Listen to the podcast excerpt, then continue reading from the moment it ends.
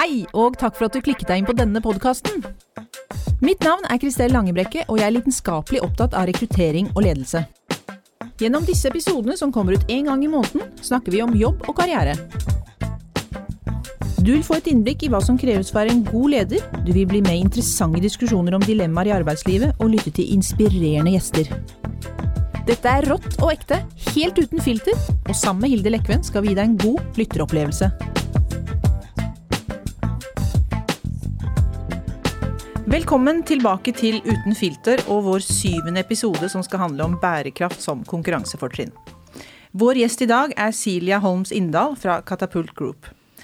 Og noe av det jeg håper vi får svar på i dag, er hvorfor det er så viktig å ta bærekraft på alvor, og ikke minst integrere det som en del av forretningsstrategien. Og så gleder jeg meg til å høre mer om hvorfor bærekraftige selskaper presterer bedre enn sine konkurrenter. Yes, um, Vi har jo som mål å være det mest bærekraftige selskapet i vår bransje. Og jeg vil jo påstå at vi mest sannsynlig kanskje er det allerede. Uh, for vi har allerede jobbet mye med det. Um, og det er viktig uh, å huske på for oss i tjenesteytende næringer da, at, uh, at, bærekraft, sånn som vi har funnet ut av det i alle fall, er, er mer enn bare miljø. Det handler også om sosiale og økonomiske forhold. Um, og Derfor har vi valgt å sette fokus på tre av FN sine bærekraftsmål, nummer fem, åtte og tolv. Nummer fem som handler om likestilling, og det har vi snakket om masse i denne podkasten tidligere. så det skal ikke vi snakke så mye mer om nå, Men vi har i alle fall inngått en avtale med She Got This, eh, hvor vi eh, jobber sammen med CORE, Senter for likestillingsforskning, som er en, en del av Institutt for samfunnsforskning. Uh, og så har vi uh, nummer åtte, som er anstendig arbeid. Uh, og det er jo selvfølgelig kjempeviktig for vår bransje. Og her er vi også i dialog med ulike partnere for å jobbe enda mer med å integrere og involvere f.eks. innvandrere og asylsøkere. Um, og så er den siste av FNs bærekraftsmål som vi har valgt ut, er ansvar, ansvarlig forbruk og produksjon. Uh, og her er jo en av våre store kunder et stort forbilde for oss. Fjordkraft uh, har vært en inspirasjon og et forbilde, for de krever av sine leverandører at leverandørene er, kli klimanøytrale. Um, og det at de stiller krav til oss, har jo gjort oss enda mer skjerpet i forhold til vår ambisjon om å være det mest bærekraftige selskapet i vår bransje. Uh, så den har vi tenkt å ta videre, da. Og, så dette vil jo føre til at vi også vil stille krav til våre leverandører om, om bærekraft. Ja, og jeg kjenner jo, Hilde, at det å kunne være med og bidra til å gjøre en, en forskjell, det betyr veldig mye for meg, og det motiverer meg. Uh, så jeg gleder meg til å, til å, jobbe videre med de tre målene vi har uh, valgt ut. Uh, samt selvfølgelig ta det inn som en viktig del av forretningsstrategien vår. Yes. Uh, og vi ser jo at dette er selvfølgelig et viktig konkurransefortrinn for, for, oss også. Uh, så nå gleder jeg meg masse til å snakke med Silja om hvordan vi skal nå vårt hårete mål. Uh, og hvordan vi kan bruke dette som et konkurransefortrinn. Ja, og da, da, er det vel på tide å introdusere deg, Silja. Du representerer en første generasjon i norsk næringsliv som har en mastergrad innenfor bærekraftig utvikling. Og, og det handler om å drive forretning på en Eh, måte som er både bærekraftig og lønnsom. Og så har du vært bærekraftsdirektør i Aker Biomarine, samt at du har vært med å starte nettverket Sustainability Hub. Og til daglig så jobber du som CEO i Catapult Group. Velkommen til oss. Tusen, tusen takk. Jeg tenker jo, Vi kan jo egentlig Skal ikke jeg avbryte agendaen deres, men eh, eh, vi kan jo egentlig begynne med å pakke ut det konkurransefortrinnet for mm. lytterne. For det er jo litt eh, jeg ofte blir spurt om jeg, De fleste begynner å forstå at dette her er et konkurransefortrinn, men hva er det egentlig som ligger inne i den pakka vi kaller konkurransefortrinn? Og det man kan si, er jo det, det er lønnsomhetseffektene man kan dra ut av å integrere bærekraft i kjernen av et selskap. Det vil si at du ikke gjør det som en sidehåndsaktivitet, men at det faktisk hører sammen med hvordan uh, man gjør business. Mm. Og hvis du på en måte helt enkelt ser for deg uh, et selskap som en person, så kan man si at gjennom at et selskap eksisterer, så vil det ha et fotavtrykk. Så gjennom at vi mennesker eksisterer, så har vi et fotavtrykk hvis vi skal bevege oss fra A til B. Så hvis et selskap skal utvikle seg, så har de per design, slik det er i dag, tradisjonell business, de har et negativt fotavtrykk på enten eh, ja, planeten, eller det kan være sosiale ting de ikke har sett for seg at de faktisk påvirker negativt gjennom måten de drifter på.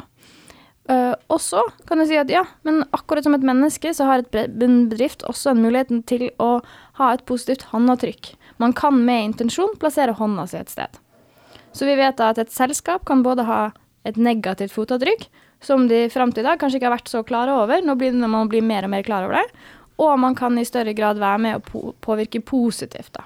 Så det er den balansen her mellom å redusere det negative fotavtrykket, og også være strategisk om hvor man skal ha en positiv effekt. Så i motivasjon, så hvis du da tar et konkurransefortrinn og pakker det fra hverandre, så kan du si at noe av det som ligger det positive der, er jo det at det er der de ansatte motiveres. Det er veldig få ansatte som går på jobb fordi man skal ta klimautslippet ned til null.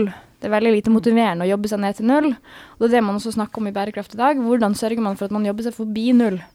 Man reduserer og rydder opp i egen bakgård, samtidig som at man har en klar formening om hvor man bidrar inn mot samfunn og planet. Mm. Men jeg tenker at det, eh, at det at de produksjonsbedrifter da, som kan påvirke klimaet veldig mye i forhold til hvordan de produserer, at det kanskje er lettere og mer motiverende å jobbe med bærekraft enn eh, f.eks. i tjenesteytende industrier som vi er. da. Altså hvordan, hvordan, skal vi som er tjenesteytende selskaper, som ikke påvirker kanskje klimaet i så stor grad som produksjonsbedrifter, da, hvordan skal vi eh, lage dette positive håndavtrykket? Og der er vi også inne på risiko- og mulighetssiden av bærekraft. Så det vi snakker om nå, når du sier vi påvirker ikke så mye i dag, da har man kanskje gått gjennom bærekraftsmålene og sett map mappet ut, kartlagt, vår bedrift. Hvor, vi, hvor påvirker vi, eller står vi i veien for at disse målene skal nås? Hvor må vi jobbe med oss selv? Det jeg også vil utfordre dere på, er å gå gjennom de samme målene og si sånn Med vårt DNA, vår historie, det vi brenner for, det vi gjør i samfunnet, det vi leverer av tjenester, hvor kan vi være med og påvirke positivt? Hvordan baker vi inn bærekraft i nettopp tjenestene våre? Hvordan sørger vi for, ikke bare som Fjordkraft som sier eh, nedover i verdikjeden, men også oppover i verdikjeden. Når vi tilbør noe, så lager vi ikke en strategi eller en HR-plan eller noe til våre, våre, våre kunder som ikke har tatt med seg bærekraft mm. inn som en dimensjon. Mm. Og spesielt innenfor HR så tror jeg jo det er en av de, en av de eh, måte, fem faktorene som man sier driver lønnsomhet i bærekraft, er jo nettopp det som går på HR. Det som går på rekruttering av talent. Mm. Det å få folk som har lyst til å bli på en arbeidsplass lenge fordi de føler at de har en verdialignment med selskapet de jobber for. Men også at de er mer motiverte, og derfor også mer produktive. Mm. Men fem Unnskyld. Ja. Dette var jo også, nå så ivrige. Men fem faktorer, hva er de fire andre? For nå nevnte du dette med rekruttering av talent og Man sier jo rekruttering av talent er jo den som ofte viser seg fort på HR. Og så har du da eksisterende Så to av de fem er jo faktisk inn mot HR-perspektivet, fordi eh, den neste går på produktivitet, men da ikke bare i innsatsen de ansatte legger inn, men også produktivitet i materialer man bruker. Det at man blir mer bevisste på å ikke sløse med de materialene man tar inn for å lage eventuelle produkter, eller at man ikke reiser flere flyreiser når man trenger et selskap, man flytter over på video, så man sparer faktisk kostnader på å tenke ressurser, fordi man bryr seg om hvorfor disse ressursene blir brukt. Og så er det da regulatorisk. Det at man klarer å se hvor går min bransje, hvordan kan jeg ligge foran? Du ser Hvis selskapet da begynner å forberede seg på en karbonpris, så kan det gjøre omstillingen gradvis, heller enn å måtte ta kostnaden plutselig når den kommer. Eh, det andre er kundelojalitet. Det var dere litt inne på med Fjordkraft. Nå har det motivert dere til å bli eh, flinkere på bærekraft. Det gjør at det blir vanskeligere for Fjordkraft å bytte bort fra dere. Så du bygger opp en sånn lock-in-effekt på kundelojalitet, fordi du begynner å stole på de du inngår de typer samarbeidene med, for det handler om å ha en høy standard for kvaliteten man leverer. Mm. Og så er det jo Og det igjen skaper jo tillit og et mm. bedre omdømme på sikt. Ja. Og den siste er jo eh, den største uh, i mulig lønnsomhetseffekt, og det er jo det som går på innovasjon. Hvilke type nye tjenester klarer du å lage fordi du vet hvor fremtiden ligger? Og der har det jo på en måte Da kan man si at hvis, hvis, vi ser på forskningen, så ser vi et gap mellom de selskapene på verdsettelse og lønnsomhet i de selskapene som er reaktive på bærekraft. De venter til det kommer nye krav, så omstiller seg. Og de som er uh, i forkant og proaktive. Så når man begynner å omstille seg før, så ser man også hvor fremtiden går, og da har man mye større mulighet til å også innovere. Og da vil man si at der kan man ha store utslag på å faktisk lage nye forretningsmodeller og nye tilbud til den utviklingen som skjer. Men de selskapene som ikke tar bærekraft på alvor, går de en eh, langsom død i møte? Jeg tror ikke det er snakk om at eh, Altså, eh, når jeg intervjuet ekspertene innenfor bærekraftig business til min mastergave, så var det litt morsomt, for da var det noen som så for seg en form for detox av selskaper som ikke klarte å omstille seg. Og vi ser jo hvor altså, verdens 500 største selskaper og hvor mye utbyttinger det er på de listene. Og vi vet jo at plattformøkonomien gjør at noen holder seg der lenger enn andre osv. Men jeg tror det det faktisk går på her, er jo at de det jeg tror, da, er at vi må lære selskaper å gjøre bærekraftig riktig, slik at de blir mer lønnsomme, dermed utkonkurrere tradisjonell business som ikke klarer å omstille seg. Og når vi klarer å gjøre det såpass tydelig at dette her er lønnsomt for et selskap, så gir det ikke lenger mening å drive på med grønnvasking. For det betyr ergo at du ikke får ut full potensialet av det konkurransefortrinnet. Da tror jeg du må fortelle oss hva grønnvasking er. Det finnes jo masse ord. Nå snakker man jo også om eh, bærekraftswashing og eh, SDG-washing og greenwashing. Men det handler jo egentlig om å pynte på historien din, så det ser ut som du gjør masse på bærekraft. Eller at du trekker opp helt liksom eh, nice to do effort, da. At man har meldt seg inn i en kampanje. Man tar et løfte. Man gjør en type sånn soft commitment om å snakke høyt om det. Og da får man til en viss grad også noe anerkjennelse i markedet for at man gjør noe. Men man får kanskje ikke den integrerte på en måte, linken mellom kjernevirksomheten og det du gjør. Og det handler jo om at eh, hvis vi går tilbake til eksempelet med å, med å sammenligne et selskap med, en, med en, et individ og en person Det å ha et fotavtrykk og et håndavtrykk Det som først skjedde, var jo at bedrifter sto på ene siden av kanten og trampet på den ene siden, og så satt de hendene sine på et helt annet hold. Eh, de tok ut noen mineraler, men så bygde de en brønn til lokalbefolkningen eller en skole for å kompensere for den skaden de gjorde. Det vi ser nå, er jo det at man forsøker å gå lettere og sette håndene, hendene sine samme sted. Jeg bruker å si at jeg har jo lyst til at eh, næringslivet skal lære seg å stå på hender. Vi skal på en måte redusere, redusere det negative fotavtrykket, men ha det positive der det gir mening for å styrke vår business, da. Så eh, vi snakker jo om FNs bærekraftsmål, eh, men hva, hva, skal til? Hvor skal bedrifter, hvilke råd har du, hvor skal de begynne? Hvordan, eh, hvordan skal de begynne å jobbe med bærekraft? Har du altså, noen enkle råd? Jeg tror den kartlagen Altså, det som er så flott nå Jeg satt jo også i teamet som satt og forhandlet bærekraftsmålene fra norsk side, er jo det at flere land ønsket jo færre mål. Årsaken til at det ble 17, var jo for å, at alle målene skulle med. Så det er ingen sak på bærekraft i verden som du ikke klarer å linke opp til noen av de målene. Det er ingen problemer i verden som ikke også kan linkes opp til de målene. Det betyr at du faktisk har et ganske godt oppslagsverk på hvor du kan jobbe med bærekraft. Så før i tiden så handlet det bare om man jobbet med bærekraft eller ikke. Og så ble det en sånn svær, fluffy sky som ingen visste hva man, man la i det. Og så ble det ofte oversatt til å bare gjelde klimautslipp.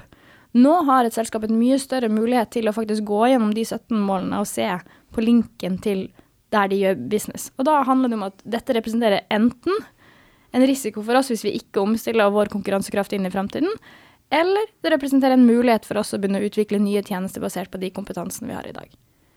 Hvorfor utgjør det en risiko hvis vi ikke de omsetter det i fremtiden? Ja, Du kan jo si at uh, eh, f.eks. klimarisiko da, og ekstremvær og den type ting uh, for forsikringsbransjen er jo et kjempegodt eksempel. Så det, uh, de målene, hvis vi ikke klarer å nå de, vil jo ha store både risikomomenter for selskaper, men også gjøre at hvis andre i deres bransje omstiller seg, så vil de ikke klarer å konkurrere. Mm. Um, vi, vi, du sier jo det at FNs bærekraftsmål det er 17 mål, så alle bedrifter eller virksomheter klarer å identifisere seg og finne noe som de kan jobbe med. Uh, og at det er utvidet til å ikke bare gjelde miljø. Men må alle de tre faktorene på en måte i hensyn tas for å ha en, i en bærekraftstrategi, eller holder det med at man velger noe som går på miljø, eller noe som går på sosiale forhold, f.eks.? Jeg tror det viktige er at man skiller med at bærekraftsmålene når det er 17 mål, gjelder for et land. De skal jobbe mot alle 17 målene. Når det kommer til en bedrift, så skal de se på ok, er dette riktig sak for oss, er vi motiverte for det? Er det viktig for våre kunder, er det viktig for våre ansatte? Har vi riktig kompetanse til å faktisk bidra på dette målet? Og er det riktig timing for oss til å jobbe på dette nå? Det er på en måte min sånn Hvordan finner vi ut hvor vi faktisk skal legge vårt bidrag opp mot bærekraftsmålene? Og da vil man ende opp med å prioritere noen mål over de andre, og det vil på en måte utgjøre um, kjernen i den posisjonen du tar på bærekraft. Og så det er viktig at man ikke um, neglisjerer noen av de andre målene på veien. Så selv om du ikke har valgt å jobbe med f.eks. likestillingsmålet, så kan ikke du drive ansettelser bevisst, eller du kan liksom ikke neglisjere det målet. Du må fortsatt på en måte gjøre hygienefaktorene Ja, som gjelder. Mm. Men dette med Også, øh, beklager, men det Unnskyld. også kommer en annen tommelfingerregel er jo at du må helst også jobbe med både den sosiale og den miljømessige dimensjonen. Ja. Mm. Eh, vi ser jo at det er veldig Det kan være veldig motiverende å jobbe med den sosiale og så glemme miljødimensjonen litt, men da blir det heller ikke eh, kred, altså kredvelt det man holder på med, da. I Nei. den situasjonen vi står i i verden. Jeg lurte på det med mm, teknologi.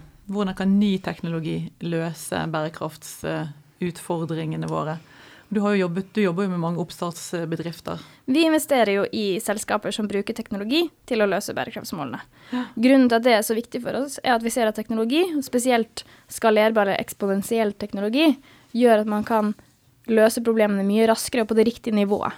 Jeg bruker å tulle med at uh, du kan se en uh, sosial entreprenør som lager en totebag, eller sånn handlenett. Og jeg har spesielt et handlenett hvor det står sånn På det så står det 'Until we're all, all equal'. Så dette handlenettet går rundt i butikken og minner alle sammen på at vi ikke er likestilt ennå, og så gir den da penger til en non-profit eller noen som jobber med denne saken og brenner for kampanje og awareness. Men jobber de faktisk med å endre ulikheten? Så kan du si et av de uh, startupene vi har investert i, heter Develop Diverse. Det er en software hvor du kan lage et utkast til en stillingsannonse, og så flagge den feminine og maskuline ord. Og så gir den forslag til hvilke kjønnsnøytrale ord man kan bruke. Dette er jo noe Ah, dere dette må jo vi, ja. dette må Ja, vi snakke ja. mer om. Ja, kjempespennende. Mm. Eh, og det er super For da, da istedenfor å la pendelen vippe fra den ene siden til den andre siden, der vi har gjort feil, Mm. så nøytraliserer den, og så løser den problemet som ligger i bunn. Vi vet egentlig ikke om våre ubevisste bias når vi bruker feminine eller maskuline ord. Mm. Det at vi har da teknologi til stede. Og dette er en modell som kan skaleres kjemperaskt. Fantastisk. For vi jobber jo mye med nettopp unconscious bias i Ja. våre rekrutteringsprosesser. Ikke sant? Så det må vi høre mer om. Mm. Eh, Det snakker, du nevnte dette med sirkulær økonomi. Eh, Det er sikkert noen som lurer på hva det er. Eh, Jeg spurte Hilde om hun visste det før vi gikk inn her, så jeg måtte hjelpe henne litt. Men kan ikke du si litt om det? Nå ble jeg veldig spent på dere, deres tolkning av det. Og det, det. Man kan jo på en måte si mye, men det handler jo egentlig om at de tingene vi har omgir oss med i hverdagen vår, skal ha et, et nullutslipp på en måte. Det skal ikke være noe igjen av de av søppel. Eh, og da sier man at man faktisk eh, har eh, et hvilket som helst produkt kan eh, inneholde to ting. Det er enten eh, det som tilhører biosfæren, det er mat, altså det vi konsumerer som blir borte, eller ting som går opp i oppløsning i atmosfæren og ikke har en negativ effekt. Eller de tingene som litium og det vi har i batterier som vi må aktivt hente tilbake og gjenvinne. Gamle par jeans som egentlig Nå kom det en startup i Sverige som faktisk kan male opp gamle jeans og lage helt ny materiale av det. Så liksom, det kommer flere og flere eh, selskaper på markedet nå som sørger for at gammelt materiale kan brukes om igjen uten å bli avfall. Så avfall er ikke lenger søppel, det har en verdi. Så hun som eh, stilte meg det eksamensspørsmålet her tidligere i dag, da, hun, eh, hennes svar var jo da feil. Var det feil? ja, for du sa det var, det var sånn eh, at man låner ting. Ikke helt feil. nabohjelp og sånn. Ja, altså Det for er eksempel hvis det. ja, det er en del av det. Delingsøkonomien ja. okay, er en del Men det var litt mer enn bare det, da. Enn å låne bort eller eh, la ting sirkulere, da. Istedenfor at man eier noe, kanskje, så kan man dele på det. Absolutt. Det, er det er flere grupperinger av forretningsmodeller innenfor sirkulærøkonomien, og delingsmodeller og gjenbruk er en av de. Og så er det på en måte det gapet da, når eh, et produkt har kommet Når det ikke kan brukes om igjen, f.eks., hva gjør vi med det? Jo, da skal man helst reparere det. Hvis det ikke kan repareres, hvordan gjør vi da om til et nytt produkt? Uten at det går ned nødvendigvis i verdi, da. Jeg har jo eh, fått anbefalt eh, den appen som heter Nabohjelp. Ja. Men der betyr jo ikke mann med drill mann med drill. OK! Har du erfaring? Da kan man jo da resirkulere menn. Nei da. Eh, vet, eh, vet, dere, vet dere hvor mange minutter i året i snitt man bruker drillen sin? Fem? Fire? Ja, to.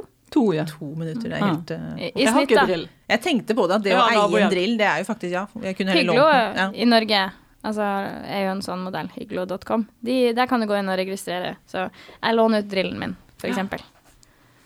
Bra. Og skiene. Og det andre som Skiene også, ja. Ja, det som jeg har som Ja. eh, noen andre kan ha glede av når ikke jeg har glede av det. Kult. Kjempekult. Og den het Hi Hyglo. med Hyglo. Hyglo, ja. Litt sånn skandinavisk navn. Hyggelig. Hyglo. Hyglo, ja. Kanskje det er hyggelig også, med. Man blir kjent med andre sammen, mennesker. eh, Da må alle sammen laste ned Hyglo. Ja. Så har, har alle gjort litt. Jeg syns jo fjong er et annet veldig godt norsk mm. eksempel på dette. Eh, hvor du ikke sant, nå kan jeg, Mens jeg sitter her, så kan jeg kanskje tjene penger på at noen låner mine kjoler. Mm. Eh, jeg får jo også variasjon i å slippe å kjøpe meg ny kjole til et nytt Mm. arrangement. Jeg kan gå Men kan vi levere inn kjolene våre som noen andre låner igjen? Eller? Ja, ja, ja. ja, ja. Det syns Har jeg ikke du er kanskje det prøvd det, beste. Hilde? Eh, Du vurderte ja, det i hvert Ja, jeg har sett på det, men Ja. jeg har ikke brukt det ennå. Nå har det kommet med en pilotperiode for et abonnement. Så for en sum i måneden så kan du låne så mye klær du vil. Oi, kult. Da kommer vi til å bli veldig fjong fremover. Ok. Ja. Um, du har jo sagt, eh, Silje, at du ønsker å hjelpe det norske næringslivet med å gjøre Stå på hender. Ja, ikke sant? Nettopp. Vi skal øve her nå etterpå. Mm. Um, hvordan gjør du det? Altså, har du noen eksempler på selskapet som har gått foran, som kan være til inspirasjon for andre? Hva har de gjort for å lykkes? Hva er liksom nøkkelen her? Få med seg de ansatte? Jeg tror du har eh, I enhvert selskap sin på en måte bærekraftsreise, så har du på en måte eh, ulike trinn som man da må gjennom. Eh, og det å lage sin posisjon på bærekraftlisten som vi snakket om, forstå hvor du har ditt unike bidrag og hva du faktisk må jobbe med, den prioriteringen som må skje, den håper jeg de fleste selskaper har begynt å sette på, eller får gjort det ganske raskt. Så handler det om å, å skille på hvor skal jeg drive min innovasjon, hvor skal jeg være annerledes, og hvor skal jeg være lik i min bransje. Hva er det som kommer i min bransje som jeg uansett må være med på? Da må jeg samarbeide med andre i min bransje, så jeg tar ned risikoen og kostnaden for den omstillingen. Der jeg skal være annerledes, der må jeg sørge for å legge til rette for innovasjon av forretningsmodeller. Og der er det jo innovasjon, eh, tradisjonell innovasjonsmetodikk som gjelder. Hvordan eh, sørger vi for at vi setter av eh, midler til den type innovasjon? Hvordan klarer vi å skille ut egne team som får eh, rett avstand fra eksisterende business til å faktisk utforme morgendagens business? Hmm. Så vi oppfordrer alle virksomheter og selskaper der ute til å bli kjent med eller identifisere sitt unike bidrag, da, og, og kanskje velge seg noen mål eh, og jobbe eh, konkret med de. Og så tror jeg det er utrolig viktig i Norge at man ikke venter med å kommunisere før man har løst alt. Det er veldig skandinavisk å bare uh, stenge seg inne og skal fikse alt. Litt janteloven. Jeg kan ikke snakke om at jeg er god på dette her før jeg har liksom skjønt hele greia og er best på alt. Det er mye bedre å si vi vet at dette her er riktig for vår kjernevirksomhet å jobbe med. Nå setter vi i gang og, og gjør kanskje noe konkret, at man snakker om noe konkret. Og så sier man vi har fortsatt mange utfordringer i vår verdikjede med ABC. At man er bare balansert i måten man kommuniserer på. Det går helt fint. Og så tror jeg også at vi har ikke tid til å bruke tiden vår på å peke på andre hvor de ikke har fått det til. Jeg ser gjentatte ganger hvor man henger ut selskaper i, på Twitter og i sosiale medier fordi de har tråkket litt feil. Og det tror jeg også er sykt viktig i forhold til HR. Det, hvor utrolig vanskelig det er å, å få bærekraft helt ned i organisasjonen til alle avdelinger. Det kommer til å ta litt tid, og mens vi venter på at selskapet klarer å integrere det såpass godt, så kommer en ansatt ikke til å være helt klar over hva det betyr å ta plastloftet, f.eks. Men hvis da man gjør feil, og man får kjeft for det, så setter hele selskapet tilbake, istedenfor å kunne sende en mail til selskapet og si hei, jeg tror jeg så dette her. Kanskje dette betyr at den avdelingen ikke har fått med seg at dere har tatt plassloftet. At man hele tiden tenker nå skal jeg spille disse selskapene som forsøker å gjøre noe god, istedenfor å bygge opp mitt brand i sosiale medier fordi jeg har skjønt at de har gjort feil. Interessant. Ja, det er viktig. Viktig innspill. Men eh, hva er det aller, aller, aller viktigste budskapet du har til våre lyttere i dag? Nå har vi stilt deg mange spørsmål. Er det Jeg tror det er litt sånn helhetstankegangen på, på bærekraft for mennesker i organisasjoner. Som arbeidsplass, hvordan kan man være en verdiøkning inn i noen sitt liv?